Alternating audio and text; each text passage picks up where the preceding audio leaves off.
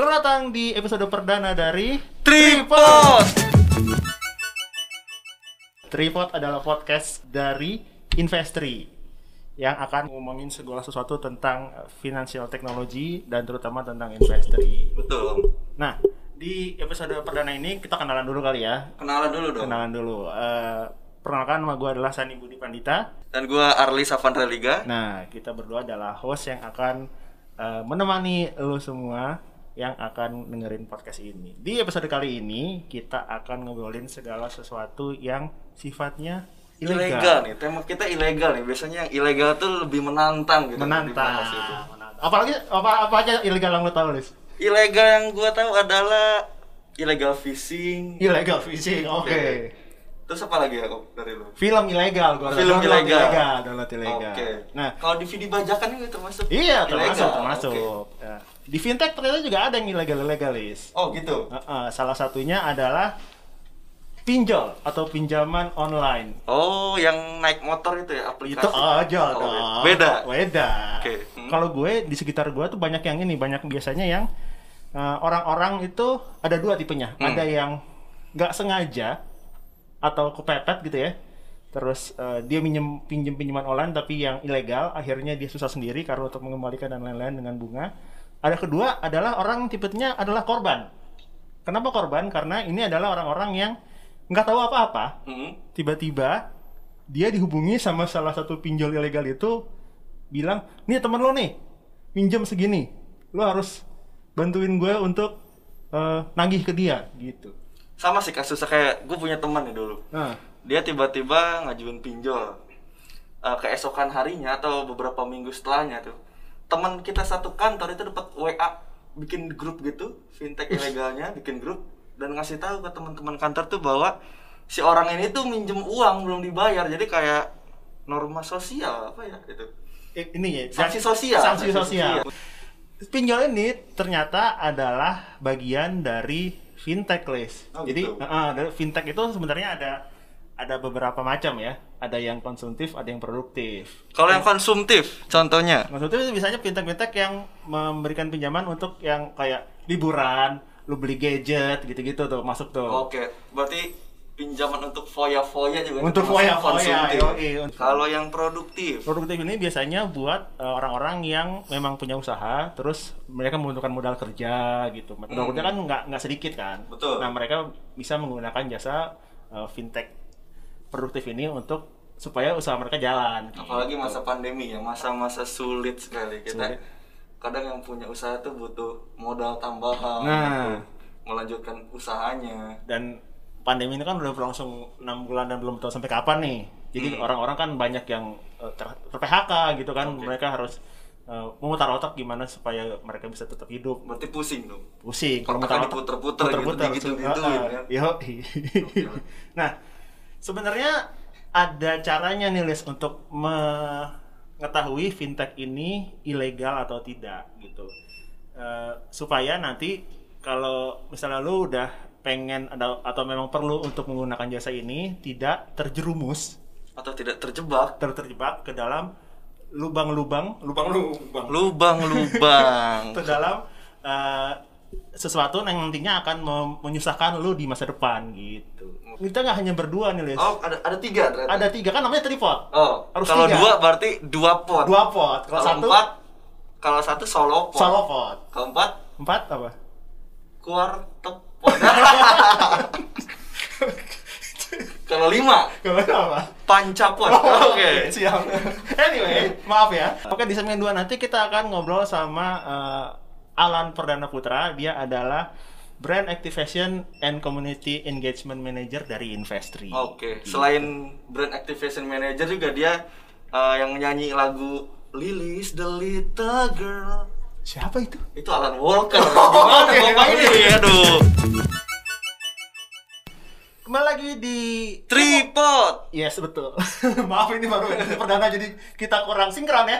Coba Eh, ulangi lagi kali sekali lagi. Boleh, boleh. Boleh. Kembali lagi di Tripod. Di segmen kedua kali ini kita akan ngobrol bareng salah satu narasumber dari Investri. Oke. Gitu. Tadi siapa namanya? Namanya karena ini episode perdana tadi kita akan ngobrol sama Alan Perdana Putra dari Oke. Yang brand activation dan- udah udah udah Udah, udah udah udah. udah jangan jangan diulang lagi kalau Oh, itu sekali oh, aja Oke.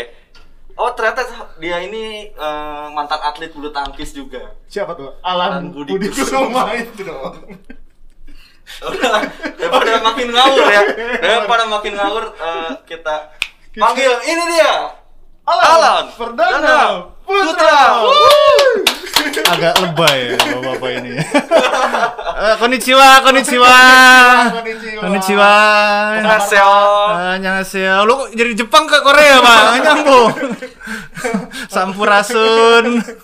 kabar pak Oke. Alhamdulillah sehat, Bros. Alhamdulillah sehat. Hmm. Kalau kalau misalnya yang lihat di YouTube ya, kalau kita bisa lihat eh, ini sangat sporty sekali Bapak Alan ini kan. Waduh, ini sporty sebenarnya bukan sporty karena cuman ini bajunya tinggal terus terang aja. Jadi ya udahlah biar kelihatan brandingnya kan. Jadi gua Boleh, pakai baju ini aja. Bisa aja ya. Bisa, bisa. aja. Boleh, boleh, boleh. Dibisain aja Pak Bisa. pokoknya. Gitu. Nah, Ran, kita kan lagi ngomongin tentang eh, fintech ilegal nih, Hmm. gitu. Eh, Kalau kalau menurut pengalaman lu, pernah nggak berhubungan atau eh, paling nggak circle lu atau siapa gitu yang menggunakan atau malah mendapat masalah karena fintech ilegal? Gue sih terus terang gue nggak pernah teman gue ya, maksudnya cuman gue pernah beberapa kali dapat SMS bahwa misalkan orang ini ngutang gitu misalkan, tolong ditag apa eh, kasih tahu bahwa eh, bayar kalau nggak kita lapor polisi kayak gitu gitu tuh Ah. sering. Tapi ini orang siapa gitu maksudnya, kok bisa dapat nomor gue nih si debt kolektornya Iya, ya iya, gitu iya, maksudnya. iya. Pernah gue beberapa kali dan nggak cuman satu orang ada beberapa orang dan orang itu gak ada yang gue kenal anyway Hmm. gitu tapi kalau teman-teman gue belum pernah gitu Oh. maksudnya cuman kalau orang yang gak gue kenal pernah nyampe asar SMS-nya gitu sih cukup meresahkan juga Makanya itu itu dia tuh. Nah, kalau menurut tadi gue gue baca-baca ya, menurut eh, data dari Satgas Waspada Investasi hmm. itu bulan ini aja ada 105 pinjol ilegal yang ketahuan. uh 105. Banyak ya banyak banget ya Banyak banget. itu yang bisa dibilang itu mati satu tembus seribu pak Waduh. Nah, makanya kita pengen nanya-nanya ke ke Alan nih. Maksudnya se- segampang itukah orang mendirikan eh, Pinjol. pinjol gitu Hmm. dan dan se, se apa ya sehingga banyak orang yang tidak aware tidak tahu kalau pinjol ini sebenarnya adalah pinjol ilegal gitu. Hmm. Dan dan apa aja ciri-ciri sebenarnya pinjol ilegal sehingga nanti kita bisa kasih tahu ke teman-teman yang dengar. Apa sih Lan kira-kira misalnya eh, yang paling gampang deh, yang paling gampang cara- yang paling gampang ya yang paling gampang tuh kalau sekarang kalau kita bisa lihat itu di apps kayak di Google atau App Store itu banyak aplikasi-aplikasi gitu ya. Hmm. Nah itu naiknya pun juga sebenarnya nggak terlalu susah karena biasanya kalau kayak Google atau Apple itu kan dia ada syaratnya kan untuk lo bisa uh, naikin apps lo ke marketplace mereka kan ada syaratnya. Hmm. Nah itu tuh gampang dipenuhin. Itu intinya mereka di financial, terus habis itu mereka berbadan hukum itu gampang. Bikin PT pun gampang gitu maksudnya. Ah. Di Indonesia tuh bikin PT nggak susah nggak ribet itu mungkin ya seminggu juga udah beres PT lo SK Menkominfo segala macam itu udah beres. Nah terus habis itu bangun sistem teknologinya kan juga nggak susah gitu. Yes. Nah mostly kebanyakan itu pinjol-pinjol itu berdatangan ke Indonesia itu karena awalnya itu semua dari China. Hmm. Itu Cina itu ada ribuan pinjol, ada ribuan fintech, tapi mereka tuh udah lebih dulu daripada kita. Gitu. Mungkin udah 15 tahun yang lalu udah Oke. ada. Kita ini emang agak belakangan gitu maksudnya. Nah, cuman sama pemerintah China itu ditutupin. Hmm. Karena angka bubble-nya tuh udah terlalu tinggi dan default rate-nya terlalu tinggi. Nah, akhirnya Chinese player itu karena mereka udah dapat gain banyak, terus dapat cuan banyak, mereka mau ekspansi ke another markets. Ya kan? Nah, market yang paling besar adalah di Asia Tenggara Indonesia. Indonesia. Karena kita mempunyai 267 juta jiwa penduduk Indonesia yang dari Roma Irama dari 100 juta dulu. Eh 150 juta kalau nggak salah Roma Irama bilang kan. Sekarang udah 267. Ngitungin warga juga. Iya, jadi Roma Irama kalau nyanyi itu nambah terus setiap tahun dia. Gitu. Dia ngikutin sensus soalnya. update ini. Update gitu. Nah, sekarang udah 267 juta. Dan dari 267 juta itu mungkin bisa dibilang hampir 50% atau 60%-nya itu adalah orang-orang yang eh, rendah financial literasinya, pemahaman tentang keuangannya. Ya, Kenapa ya, gue bisa bilang gitu? Karena kita bisa lihat dari eh, angka yang punya rekening bank misalnya. Hmm. Yang punya oke mungkin yang di pedesaan di kampung-kampung itu punya rekening bank, tapi apakah mereka udah pernah akses yang namanya kartu kredit gitu misalnya? Oke. Pasti enggak. Terus yang kedua, apakah mereka pernah punya deposito? Hmm. Karena kan basically mungkin orang-orang itu lebih kepada mindahin duit dari bawah bantal, masukin ke rekening bank. Ya. That's it. Gitu. Dan apakah mereka punya pinjaman? Enggak, belum tentu. Dan mungkin belum tentu ngerti juga. Nah, tiba-tiba masuklah nih Chinese player yang besar-besar ini, terus masuk ke Indonesia. Dia sasar market-market yang itu. Nah, mungkin bukan kayak kita yang diserang. Tapi mungkin kayak misalnya eh, Mbak Ina, Mbak Ijah gitu Iya, misalkan. iya, iya, iya. Yang emang marketnya di situ yang memang kebutuhannya itu lebih kepada konsumtif. Itu. Misalnya konsumtifnya adalah untuk tadi jalan-jalan, beli handphone lah paling gampang. Nah. Ya kan, beli kulkas, beli TV. Ya mungkin sebenarnya kalau dihitung itu harga TV-nya nggak mahal, paling cuma 2 juta, tapi kan mereka nggak mau beli cash. Iya, kalau iya. bisa ngutang dan Kenapa bay- tidak, dan gitu. cicilannya murah, kelihatannya ya murah Kelihatannya. gitu kan. Kenapa enggak? Padahal sebenarnya kalau di komponen eh, hutangnya itu, kalau misalkan cicilannya satu juta gitu misalnya, Hmm. 80% itu adalah bunganya, 20% nya prinsipalnya. Kalau kita bedah sebenarnya, misalnya harga TV 2 juta, lu nyicilnya 400 ribu, eh 300 ribu sebulan, wah murah banget nih. Iya. Tapi selama 2 tahun atau tiga tahun, lu hitung aja. Gitu. Berapa tuh harus bayar tuh TV berarti? Bisa 5 juta Iya, total-totalnya. iya, jauh lebih mahal itu, daripada jauh lebih mahal. Itu karena itu produktif apa konsumtif. Hitungannya bunganya tuh eh efektif. Oh, oke. Gitu, bukan flat. Jadi komponen komponen bunganya lebih tinggi daripada pokoknya. Jadi makanya nggak kelar-kelar tuh lama Iya, iya, habisnya iya, iya. gitu. Nah, dengan menganut sistem kayak gitu akhirnya dan orang-orang yang tadi low income itu pada ngambil mereka bisa punya at least menaikkan strata sosialnya. Tujuannya kan sebenarnya memang itu. Iya. Menaikkan strata sosialnya terus habis itu bisa menutupi kebutuhannya. Ya terjebak di situ. Dan yang kedua adalah tidak ada kemampuan membayar Hmm. itu udah nggak bisa bayar terus mungkin yang mereka yang cuma buruh harian atau lepasan misalnya gue hari ini kerja terus bulan depan ya nggak kerja lagi gitu maksudnya karena nunggu op- nunggu order nggak ada order ya telat lah di situ akhirnya nah terus yang selanjutnya adalah eh, yang ilegal-ilegal ini itu tuh tidak mendaftarkan dirinya ke otoritas ke- terkait Oke. gitu. Nah, OJK itu kan ngatur tuh ada namanya POJK 77. Ah. Nah, itu tuh dibahas tuh tentang gimana sih caranya lu uh, menyelenggarakan kegiatan pinjam meminjam secara online ini. Itu diatur. Dan terus yang kedua adalah ada asosiasinya nih. Asosiasi namanya AFPI. Hmm. Asosiasi Fintech Pendanaan Bersama Indonesia. Nah, itu mengatur tuh code of conduct-nya bersama dengan AFTEK, Asosiasi Fintech. Oke. Itu. Nah, itu ada tuh nggak boleh akses nomor telepon, kontak ya, terus habis itu image segala macam tidak boleh eh, predator lending, misalnya kayak bunganya tinggi gitu. Ah, oke. Itu nggak Ya, boleh, ya, terus ya, ya. mengancam itu nggak boleh. Nah, itu tuh dilanggar. Gitu. Nah, mereka lebih milih untuk tidak terdaftar. Jadi kalau bisa dibaca di berita, banyak yang ditutupin sama Kominfo, OJK, Bareskrim itu banyak yang ditutupin. Ditutupin, ya balik lagi mati satu tumbuh seribu Hmm. gitu karena misalnya gini yang ilegal nih ya gue punya duit satu juta nih ya kan gue pinjemin nih Sani butuh 500 Arlis butuh 500 gue pinjemin nih gope gope gope bunganya 2% ya sehari Sehari. ya, Sehari, ya. oke. sehari. Lu minjem selama berapa lama? Gitu misalnya lu minjem selama dua minggu. Gitu kan dua minggu 2% kali 14 hari. Itu udah berapa? Ayo coba berhitung. 14, 28. udah 28 persen kan? 28 persen dari masing-masing. Berarti kalau masing dari lu berdua itu udah udah jeng 56. 56 persen bunganya which is sudah setengahnya. Jadi udah Iya. satu juta lima ratus duit gue balik.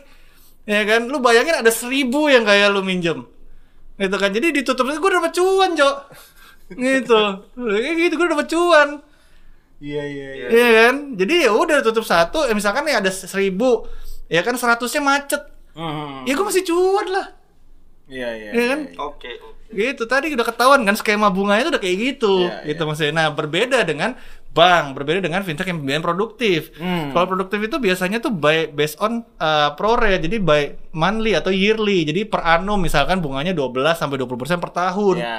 jadi kalau lu minjemnya sebulan ya kalau lu dapat rate-nya 12% berarti cuma sepersen baru sebulan Nah, kalau- ngomong-ngomong tadi kan kita belum belum belum memperkenalkan secara singkat tentang investor ya, mumpung, Ah. mumpung lagi ngomongin eh, apa namanya fintech produktif Ah. gitu. Bisa jelasin nggak sedikit tentang investor itu apa dan pu- mempunyai jasa apa aja gitu? Oh, gue paling suka nih jelasin ini. nih. Jualan soalnya. Lu memaksa gue untuk jualan ya. Nah, kalau investor itu basically perusahaan kita eh, berangkat dari peer to peer lending. Sekarang kita udah menyebut diri kita tuh marketplace lending lah ya. Maksudnya karena kita more to B2B dan fokus kita adalah pembiayaan produktif dan eh, gate-nya dari B2B. Jadi bukan ke B2C. Mungkin ada yang fintech-fintech terdaftar dan berizin tuh yang masuknya ke B2C gitu, langsung Ya, ke customer. Kalau kita lebih ke PT atau CV, jadi tidak ada individual. Individual ada tapi retail tapi masuknya lewat e-commerce. Oh, iya, iya. Kita punya produk namanya online seller financing. Terus juga ada namanya merchant financing. Gitu. Itu untuk misalkan pengusaha kopi gitu, misalnya punya restoran, terus habis itu dia punya toko sepeda gitu misalnya. Ya, nah, ya, tapi ya. kerjasama sama payment gateway itu bisa kita biayain karena apa? Transaksinya kita kelihatan di situ. Terus yang kedua eh, kita punya produk yang anchor itu namanya invoice financing atau anjak piutang bahasa jadul perbankan. piutang. Anjak piutang. Anjak piutang. Heeh, anjak Anja. Jangan, beda. beda anjak piutang nah itu jadi misalkan uh, Sani dapat pekerjaan dari Arlis ya kan nah nilainya seribu ya kan nah meanwhile Sani dapat pekerjaan nih dari si O gitu kan nah dapat kerjaan dari situ ya udah kan butuh modal nih karena Arlis bayarnya 30 hari karena based on SPK-nya legal Iya, iya, formnya Ya, lu selesai kerjaan BAST dibayar 30 hari Iya, yes. gitu kan. Nah, sementara dapat kerjaan dari CEO tadi. Begitu dapat SPK lu harus langsung mulai kan. Oh. Nah, modal dari mana? Gitu. Ya udah, masukin lagi Investri. Kita kasih 50%. Eh, 80% atas invoice-nya Arlis. 80%. Nah, Oke. ah, jadi misalnya tadi lu bisa dapat 800 perak nih buat ngerjain cukup dong buat Hmm. Betul, modalnya betul. gitu. Nah, problemnya kenapa kita ada saat ini adalah karena kita melihat banyak UMKM yang nggak bisa scale atau nggak bisa tumbuh karena tadi keterbatasan salah satu modal. Hmm. Dan yang kedua, mereka itu masih unbankable. Sorry, underserved bukan unbankable, tapi underserved. Underserved itu dari kata-kata dia punya rekening bank tapi tidak bisa menikmati fasilitas kredit. Oke. Kenapa? Karena tadi untuk masuk ke bank syaratnya satu, jaminan lopo, Mas. Ah, Itu. Ya harus ada jaminan ya. Jaminannya Ada opo mas jaminan gitu ya. misalnya. Contoh kayak misalkan Sani punya PH gitu kan. Atau punya IO deh paling gampang. Kantornya mungkin di rumah Sani sendiri. Karyawannya paling cuma tiga. Itu kan Iya, selebihnya iya. kan lepasan. Betul, betul. Gitu kan kalau bikin IO kan ada event di sini nih. Oke kita butuh 50 orang ya lepas aja. Tapi karyawan intinya kan timnya paling cuma tiga orang atau lima orang. Buat apa gede-gede? Tapi nilai bisnisnya gede. Ya. Gitu. Nah itu yang nggak bisa bang masuk. Kenapa? Karena tadi jaminannya opo mas Nah, iya iya. gitu ya sementara sana ya rumah gue masih KPR ya gue gak punya kantor juga gitu maksudnya kan iya kan ya masih KPR kan lagi dijaminin kan nggak mungkin Iya. dijaminin lagi gitu nggak mungkin gitu jadi itu yang uh, problem di situ kan investor hadir. Kita lihat bahwa sebenarnya pekerjaan itu banyak. Industri kreatif contohnya. Terus habis itu mungkin industri transportasi itu contohnya. Misalnya kayak transportasi logistik. Dia belum tentu punya mobil tracking atau itu banyak belum tentu. Iya, iya. kalau dia cuma sebagai agregator tapi dia dia langsung dapat kontraknya. Gitu. Ya nggak mungkin kan dia dijaminin truk-truknya. Iya, gitu. Karena dia tadi kan dia partneran gitu. Dia dapat kontraknya. Pekerjaannya ada real. Bang nggak bisa masuk. Nah gitu gitu masuk. Akhirnya apa dengan adanya investri eh, para pengusaha-pengusaha tadi yang masih kecil akhirnya dia bisa berani untuk move untuk mengambil order yang lebih banyak order yang lebih tinggi lebih besar nilainya karena apa karena ada investor di belakangnya yang akan siap bantu untuk itu itu bro Nice, nice. Wah, investor keren ya. Keren sekali. kok gue merasakan nggak tulus ya pujiannya ini nggak tulus ya kayaknya gue merasa nggak tulus Nah, pujiannya itu kan tadi kita udah udah udah eh, tahu sedikit tentang investor Hmm. ya. Kita kita udah ngumpulin nih, Lis. Udah ngumpulin eh, 6 6 poin. 6 poin. Eh, kira-kira eh, kita tanya ke Alan ya. Oke. Hmm. Bener nggak ini adalah ciri-ciri eh, fintech ilegal gitu ya? Hmm. Yang pertama itu adalah terdaftar, berizin dan diawasi oleh OJK. ya itu Investri. ya, legal, legal. Legal ya. Jadi ada dua tahap. Yang pertama itu adalah terdaftar dulu. Hmm. Ya kan setelah terdaftar, nah itu benar-benar diawasin tuh sama OJK selama kurang lebih kalau nggak salah dua tahunan ya. Kalau gua nggak salah Oke, ya dua oke. tahunan tuh dilihat. Nah terus habis itu baru bisa mengajukan proses berizin, mendapatkan izin. Nah kalau dapatkan izin tuh berarti sama produk lu tuh udah proven gitu maksudnya. Dan Hmm. lu udah comply lah sama regulasi. Ya. Gitu udah sesuai sama regulasi, udah oke ini bisa dan tidak meresahkan masyarakat dan emang ada impact dengan kehadiran lu. Oke. Itu yang penting. Karena kalau misalkan tadi pinjol-pinjol tadi yang ilegal ya, ya mereka memang ada impact. Impactnya adalah impact keresahan gitu maksudnya. itu impactnya keresahan bukan impact secara finansial atau nggak ada mutualnya gitu Iya, iya, maksudnya. iya, iya. Nah kalau yang sudah berizin berarti memang sudah ada impactnya dan sudah proven gitu. Iya. Itu. Nah, menurut eh, OJK ini ada per 29 Juni ini Hmm. ada 158 perusahaan fintech yang sudah terdaftar Hmm. dan 33-nya itu sudah berizin. Ya. gitu. Dan termasuk investasi berarti ya? Iya betul. Kalau sebenarnya kalau nggak salah tuh ada 160 kalau gua nggak salah Oke. ya 161 yang terdaftar di OJK. Nah itu benar. Nah yang sudah terdaftar itu tadi macam-macam. Ada yang main di konsumtif, ada yang main di properti, ada yang main di equity, Hmm. ada yang main di peer to peer lending B2B kayak Investri. Oke. Gitu. Jadi fintech itu sebenarnya luas pak. Iya, iya, iya. Gitu. Dan fintech itu nggak cuma lending loh. Oh, oke. Gitu. Apa Jadi, aja itu, Pak? Fintech itu kan bahasa kasarnya financial technology. Coba financial technology itu bahasa Inggris, bahasa Indonesia Ya. apa coba, Pak? Teknologi finansial. Nah, Gua- teknologi gua- finansial. Gua hanya menerjemahkan saja ya. Jangan elaborasi. Gua agak-agak gimana gitu. Jadi semua kegiatan finansial yang dipermudah melalui teknologi. Ah. Misal, fintech itu sebenarnya kita udah kenal dari zaman dulu, Pak. Contoh, yang pertama kali tahun 60-an itu adalah fintech pertama itu adalah kartu kredit, Pak. Ah. Itu fintech, Pak. ya? Karena lu tadinya bayar cash, sekarang jadi bayar pakai kartu. Eh, Ah, oke. gue sih ngerasain di zaman bokap gue pakai kartu dia jekrek jekrek jekrek Iya, gitu iya, iya, gue iya, ngerasain iya, gitu. Kalau San Arlis kayaknya enggak sih kayaknya. Enggak. ngerasain ya. Enggak. Nah, terus habis itu move to another second wave. Second wave of fintech. Itu apa tau nggak? Adanya ATM. Benar. Yang tadinya lu nyetornya di teller, ya kan? Iya, Sekarang iya, lu bisa tarik tunai di. ATM. Itu fintech, Pak. Yes, yes. itu yes. untuk mempermudah lo dalam transaksi finansial. Nah, yang kedua itu adalah yang ketiga adanya mobile banking. Hmm. Ya kan Itu mobile makin banking. jelas kelihatan Makin jelas sekarang. teknologinya. Heeh, karena sekarang gini aja, gue sih terus terang ya transfer sejuta udah gak pernah lagi ke ATM, eh ke teller Iya, atau ke iya, ATM. iya, iya. Lewat mobile banking aja. Bisa kan limitnya let's say sampai 25 juta gitu Oh, misalnya. iya. Tapi kalau 100 juta pun juga bisa dilakukan lewat mobile banking atau yang pakai web base gitu misalnya. Iya, iya. Internet banking itu bisa. Nah, terus yang generasi keempat itu adalah kayak kita. Nah, muncul ada payment, lending. Jadi ngasih pinjaman itu semuanya lewat online, assessmentnya semua lewat Hmm. online gitu. Terus ya bahkan sekarang kalau kita bisa lihat bank-bank besar itu buka rekening aja tuh semuanya lewat handphone kan? Phone, iya betul. Gitu. Yang dulunya itu lo harus datang ke CS yang antrinya berjam-jam. Gitu kan. Ya kayak contoh lah bank-bank besar misalnya, nggak usah sebut merek lah ya. Maksudnya Iya. bank besar kan antrinya itu bisa setengah jam gitu. Bisa mungkin sampai satu jam untuk buka rekening dengan form yang banyak banget. Sekarang enggak, Pak. Cukup dari jari, Pak. Iya, iya, iya. Itu. Nah, ya payment kita semua pakai lah. Maksudnya ya ada macam-macam fintech payment, terus ada juga asuransi. Semua juga udah shifting. Gitu. Jadi yang berhubungan dengan kebutuhan kita terkait dengan finansial itu semuanya sudah bisa diabsorb oleh teknologi. Itu fintech. Iya, iya. Nah, itu. Jadi kalau dibilang fintech ilegal itu semuanya pasti pinjol. Oh, bukan. Bukan, Bukan. makanya. Bukan. Ya kita naik ojek itu yang online online itu naik ojek terus habis itu bayarnya pakai aplikasi langsung itu fintech, pak. Fintech, iya. Gitu.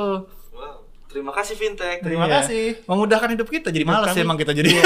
tapi tapi fintech itu sangat sangat memudahkan hidup gua terutama ya saat pandemi gini loh. Nah. Karena, karena maksudnya kayak gua pesan makanan lah gampangnya. Pesan Iya. makanan gua nggak harus nggak harus eh, apa namanya pergi ke restorannya terus gue bisa menggunakan aplikasi dan fintech untuk bayar langsung segala macam gitu kan jadi kayak Mm-mm, betul. Dan sebenarnya thanks God-nya dengan ada fintech adalah kita tuh memberikan lapangan pekerjaan baru buat orang-orang tersebut. yes Itu keunggulannya. Oke. oke itu tadi tuh yang pertama adalah terdaftar berizin atau diawasi oleh OJK Betul. yang kedua adalah terdaftar di AFI tadi kan Alan udah bilang Iya, AFI ya Nah, mm. AFI ini apa sih Lan? AFPI ini adalah eh, perkumpulan atau anggota asosiasi yang mewadahi eh, para pelaku fintech di Indonesia. Jadi namanya AFPI Asosiasi Fintech Pendanaan Bersama Indonesia. Nah, mereka sebagai SRO, Self Regulatory Organization, setahu gua. Oke. Jadi mereka yang akan mengakses pertama kali ini layak atau enggak. Oke, habis itu baru bisa diteruskan berdasarkan surat rekomendasi dari AFPI ke OJK untuk majukan terdaftar. Jadi mereka harus jadi anggota dulu di situ. Gitu. Jadi sebagai anggota AFPI, nah habis itu udah eh, siap dokumennya harus sama, yang sama diminta OJK, nah habis itu baru dikirim ke OJK. Gitu. Karena kalau langsung ke OJK tanpa ada AFPI nggak bisa. Jadi harus saringannya dari AFI dulu baru ke Betul. OJK. Oke. Gitu. Terus yang ketiga adalah syarat eh, bedain fintech ilegal sama legal itu harus punya kantor yang jelas. Ini maksudnya gimana nih kantor yang jelas? Nah, ini cukup menarik nih. Karena eh, kantor yang jelas itu biasanya gini, fintech-fintech ilegal itu kantornya tuh ngepul di satu tempat. Tahu nggak di mana? Di mana tuh? Jadi kita ada namanya itu kan Sleepy Con Valley ya. Oke, ya. Tapi Sleepy, Sleepy Con Valley itu tempat startup para pas mulai-mulai. Oke. Itu semua di Sleepy Con Valley. Nah, jadi kalau Sleepy Con Valley yang di ujung, which is sudah mendekati flyover Car Sudirman, itu yang benar semua tuh. Iya, iya, iya, yang benar iya, semua iya, tuh. iya. Nah, yang ke belakang, nah di satu tempat itu, nah itu kebanyakan ilegal tuh. Oke. Itu berkumpul di satu area tuh. Gitu. Nah, di situ sebenarnya. Iya, iya. Nah, itu itu gampang ngedeteknya. Nah, akhirnya OJK tuh bilang, "Eh, pindahlah dari situ." gitu. Maksudnya ke tempat yang lebih prominent. Hmm. Maksudnya pindah ke tengah kota atau ke tempat yang lebih eh, benef apa ya, lebih bonafit gitu. Iya.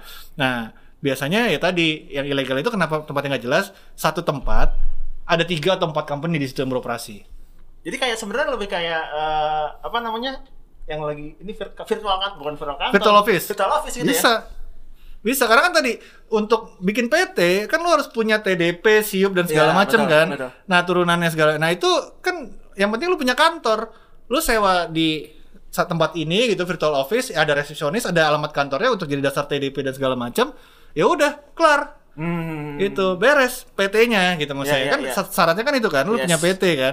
Nah, habis itu kenapa tadi gue bilang satu kantor ada empat PT misalnya. Ya, bapaknya satu. Habis itu dia bikin anak-anakannya lagi bikin PT gampang kok Iya, iya, iya. gitu. iya, iya, iya. Tapi ujung-ujungnya ya artis-artis juga yang punya gitu. Jadi memang memang kantor jelas itu bukan bukan berarti lo harus punya satu kantor nyewa di gedung apa A gitu ya. enggak, enggak. Jadi at least tuh lu punya tempat yang bener-bener bisa uh, di track terus habis itu ya apa namanya kredibel lah tempatnya. Oke. Terus juga misalnya ya di rumah pun mungkin nggak apa-apa gitu misalnya. Kan ada juga yang kayak domisili di Bandung atau di luar Jawa itu juga ada gitu Ah, maksudnya. iya, iya, iya. Tapi tadi bukan tempat yang asal-asalan ada gitu maksudnya. Hmm. Karena tadi ya lu isinya mungkin eh, mungkin kayak investri gitu, maksudnya kayak investri kita di AIA di Sudirman. Iya. Nah, terus habis itu di dalam kantornya tuh ada banyak orang, ada tim ops-nya, ada tim sales-nya, terus habis itu ada tim markomnya gitu, Hmm. Sen. habis itu ada yang lain-lainnya. Nah, kalau ini enggak, mungkin isinya cuma satu owner sama ops sama collection isinya. Ah. Gitu, secara struktur organisasi gak jelas gitu. Iya, iya, iya, iya. Itu ya selain kayak kantor abal-abal lah. gitu. gitu. Apalagi Lis? Oke. Yang keempat Lis? Yang keempat, persyaratan pinjamannya Terlalu eh, mudah. Terlalu mudah kalau yang Hmm. ilegal itu. Kan kita kita pernah atau gua pernah melihat eh, atau teman-teman gua pernah memperkenalkan ada yang lu mau minjem dengan amount A bisa satu kali 24 jam Hmm. langsung Hmm. apa namanya cair, cair. gitu. Hmm. Ya itu jadi salah satu promise ya. Maksudnya itu itu yang membedakan antara fintech dengan bank sebenarnya. Fintech Ah. itu kita bisa lebih cepat, seamless prosesnya gitu. Dan beda sama konvensional gitu. Maksudnya Iya, kalau iya. kayak konvensional itu kan tadi kita banyak yang diakses Hmm. kayak bank segala macam. Kalau fintech itu keunggulannya memang itu. Yang dijual adalah kecepatan. Karena kalau kita nggak cepat, maksudnya apa bedanya kita dengan yang lain? Iya, iya. Gitu kan dengan yang konvensional. Nah, cuman Ya contoh untuk konsumtif deh, yang kalau kita lihat di mall-mall tuh yang paling banyak sekarang kan. Nah, Hmm. itu kan juga sama itu, itu malah hitungan menit. Tapi Oh, jelas oke. dokumennya. Eh, KTP, NPWP, terus habis itu eh, range salary, itu dia harus assess Hmm. berapa karyawan tetap atau bukan. Nah, tapi itu kan kita bisa by verbal iya gitu. Misalnya kita kan Iya, saya karyawan iya. tetap dia tidak akan cross check karena kan tadi SLA-nya mungkin hanya satu jam cair gitu kan. Nah, tapi syarat-syarat itu tuh mereka ada. Nah, kalau yang ilegal biasanya cuma KTP doang. Segampang itu Iya ya. KTP sebenarnya. doang hanya untuk apa? Untuk nge-track lu tuh di mana rumahnya gitu. Terus yang kedua habis itu lu harus uh, wajib install aplikasinya. Untuk apa? Geotagging. Gitu di handphone lu biar lu nggak kabur. Nah, dengan lu install aplikasi itu, nah ini problem kesalahan yang orang-orang pada uh, lakukan ya adalah Hmm. biasanya um, begitu kita install aplikasi itu habis itu kan ada pesan tuh izinkan ini untuk mengakses Betul, ini, iya. izinkan ini. Lu pencet allow semua, oke semua, ya udah dia masuk ke semua data-data lo. Gitu. Ngeri. ya. Ngeri, makanya kalau makanya jangan pernah kasih akses itu kalau emang ter- eh, lu nggak yakin sama aplikasinya Hmm. gitu atau lu nggak yakin sama fintechnya. Tapi kalau misalkan lu udah eh, punya historical yang oke dan si emang dan dan membantu lu ya nggak apa-apa dan lu juga kan tidak akan ngemplang gitu. Iya, iya, iya, iya. Nah, tapi problem di Indonesia itu adalah yang uh, bermasalah fintech ilegal itu adalah dari orangnya juga yang minjem. Ada satu orang di berita lagi itu sampai meninggal karena fintech ilegal. Tapi kalau ditelaah beritanya, ini orang minjem ke 18 fintech, Pak. 18. Iya, gelombang tutup lubang. Sementara yang tadi Alan bilang satu eh, bunganya per hari itu ya. yang- Iya. Kayak apa pusingnya itu orang ya. Iya, bukan main. Makanya sampai mati ya. iya. Mati. Karena tadi, padahal bila pinjamannya mungkin tidak besar 2 Iya, juta, iya. tapi dia jadi menggunung karena tadi bunganya satu beda-beda. Oh. Ya kan terus yang kedua ya udah jalan semua bunganya. Ya dihitung itu mungkin udah, udah 10 kali lipat kalau di pinjamannya dia harus bayar. Iya. Itu tuh nggak boleh. Ya, jadi dari kita juga harus tahu diri. Kita tuh mampunya berapa sih? Jangan pernah minjem lebih dari gaji kita. Itu berkaca sesuai kemampuan bos. Waduh, Gitu. itu dia. Ini jadi hidayah ini gue nih. jadi ceramah nih. Jangan terbawa gengsi gitu. Nah, Itu dia. yang terbawa gengsi itu benar. Itu benar. Cuman problemnya tadi mungkin kalau kayak kita yang well educated nggak akan terbawa gengsi gitu. Tapi mungkin tadi yang saudara-saudara kita yang lain yang di bawah ya tetangganya ngomong Jeng jeng aku habis beli ini loh jeng gitu maksudnya Iya. dibeliin suamiku nah terus habis itu pulang itu sini dibeliin ini sama suami akhirnya suaminya kan mikir kan oh yaudah ambil pinjol aja pinjol. nah itu tuh yang harus dihindari gitu Pinjolnya kan, bukan istrinya kan? Eh istrinya boleh jangan dihindari sih istri jangan dihindari Oke. Kelima, harus ada informasi atau perjanjian pinjam meminjam yang jelas dan terbuka. Ini berkaitan dengan bunga, penalti atau denda dan risiko yang ada. Betul, betul.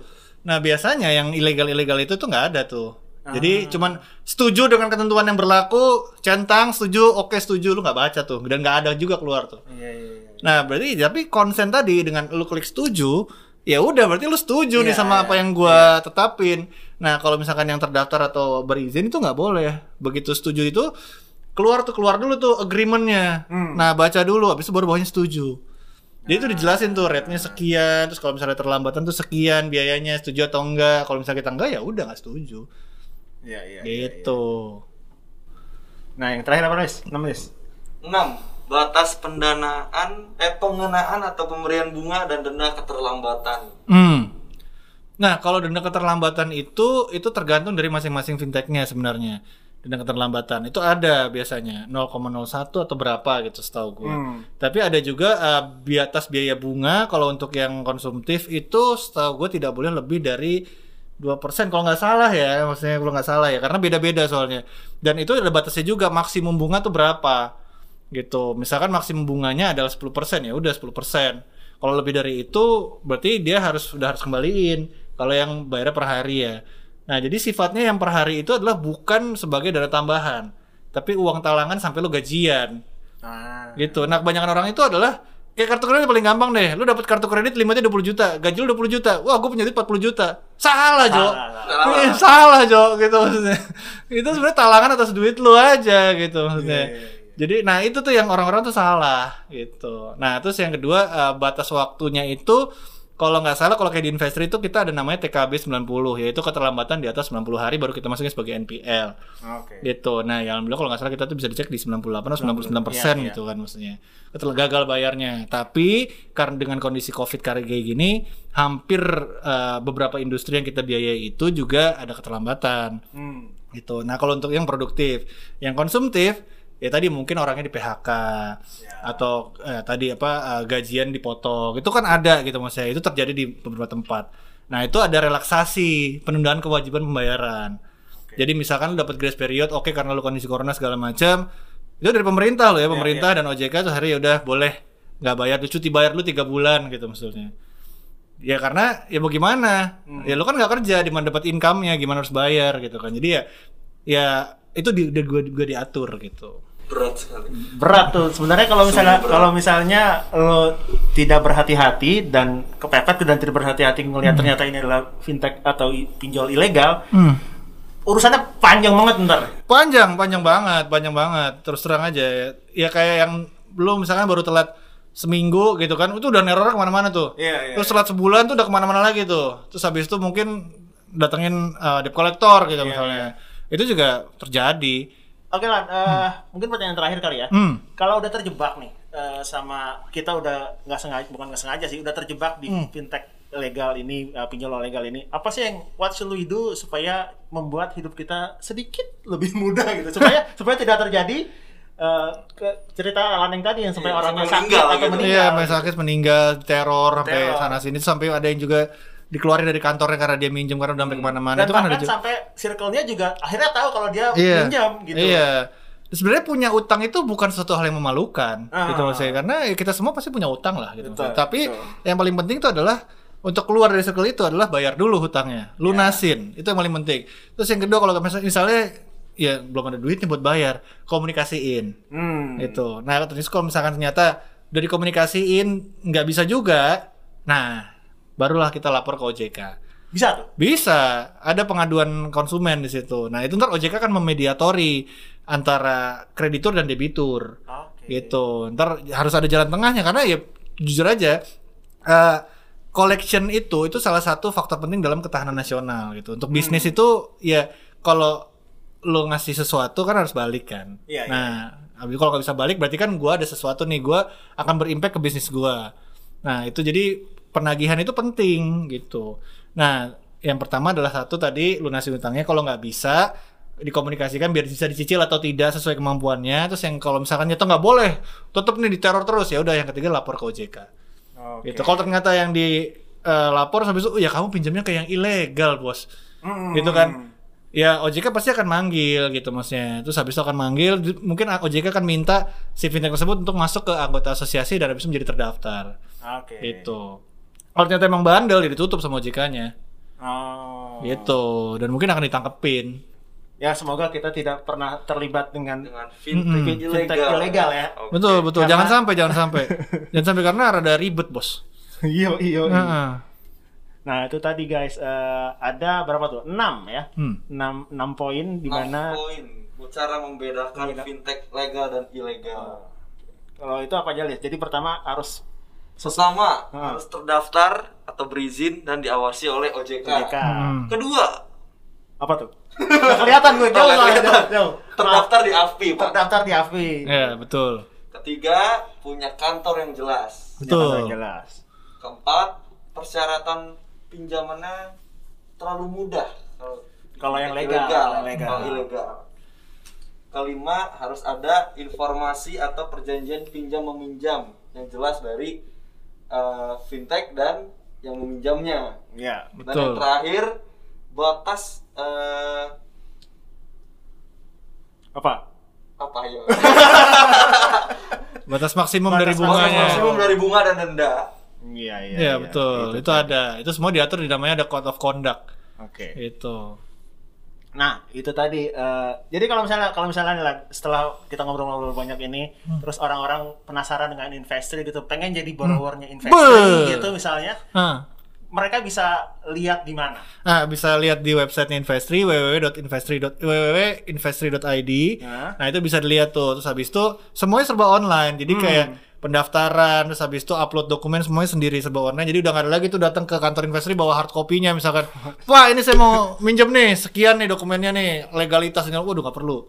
Upload aja semua dari situ. Habis ntar dari ada tim marketing kita dari relationship manajernya akan call Oke. gitu kita akan assess nah yang di assess juga untuk uh, pinjaman pertama itu juga tidak secepat itu. Iya. karena kita basisnya lebih to be kita harus cek dulu ini pekerjaan dari siapa yang bayar siapa ini invoice-nya benar atau enggak bukan invoice bodong ya maksudnya. Iya.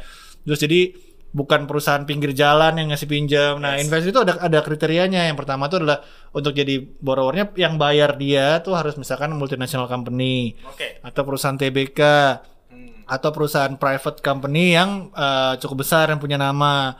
Jadi kalau misalkan eh, perusahaan Arlis pinggir jalan tuh sama Sani seberangnya itu nggak bisa. Gitu walaupun ya sama-sama PT gitu tapi nggak bisa gitu misalnya. Arlis yang bayar Sani gitu kan. Gue PT nih gue kasih kerjaan bener. Ya tapi nggak bisa bos gitu. Lu belum masuk dalam kategori itu. Itu jadi reputable payers yang kita lihat. Jadi yang minjem tuh penting tapi kita juga harus lihat yang bayarnya siapa. Hmm. itu itu kuncinya sih itu di Investri kalau tempat lain nggak tahu ya Oke. gitu. Ya karena karena ini adalah tripod. Semua bisa dengar. Iya. agak delay ya Oh, karena edisi, edisi perdana. Karena gua kaget tiba-tiba karena ini adalah tripod apa? karena karena kemarin kita ada janjian, gue yang ngumpan, dia Oh, yang gitu. ngegolin gitu. Oh, oke, Tapi tadi oke. mau pamit dia mana bolanya ke mana gitu ya. Agak Agak delay, Agak. Delay, delay. Oke deh kalau gitu. Thank you Lan sudah ngobrol-ngobrol di Hey, bos, thank you, bos, thank you, bos. Jadi buat yang uh, dengar dan nonton sekali lagi kalau misalnya kalian mau mencoba menjadi borrower investri bisa coba cek uh, Website. websitenya, bisa coba cek uh, Sosial medianya sosial juga. media Ada Facebook, LinkedIn, Instagram, Heeh. dan ada YouTube juga. ada YouTube juga dan kalau misalnya tertarik bisa coba download aplikasinya di uh, Android atau Google. Eh, Android atau Google, Android atau iOS. Gitu. Oke deh. Sekali lagi terima kasih yang sudah lagi terima menonton. kasih untuk Mas Alan. thank you thank you Thank you. thank you thank you bos Thank you buat kita belum punya sebutan ya Lis buat yang nonton apa namanya Lis? Apa ya? Apa ya? Mungkin sobat pot Sobat Pot. Nah, gimana kalau ini kan ini kan di di sosial media dan kita adalah eh, ini adalah investri. Gimana kalau netizen. Oh, menarik sekali. gitu. Jadi Kayak yang gua briefing kemarin. Iya. kan gue sih saja kita ini spontan Oh, kok, iya. jadi ini Ya, oke apa-apa. jadi buat para netizen sekalian terima kasih udah menonton episode perdana ini kita akan ketemu lagi di episode kedua kita akan rilis per dua minggu rilis ini tripodnya per dua minggu jadi ah, tunggu dua minggu lagi kita akan balik lagi dengan narasumber yang beda dan dengan topik yang beda juga thank you sudah nonton